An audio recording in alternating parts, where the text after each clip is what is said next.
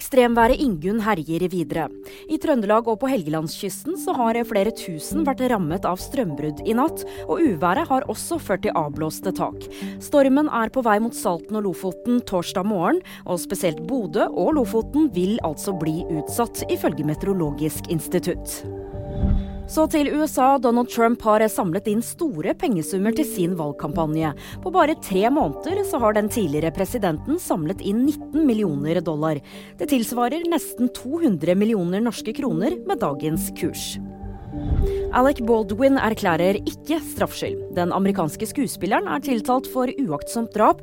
Det var under innspillingen av Rust i Santa Fe i 2021 at Baldwin avfyrte en rekvisittrevolver som viste seg å være ladd med ekte kuler. Mer om det og andre nyheter finner du alltid på VG.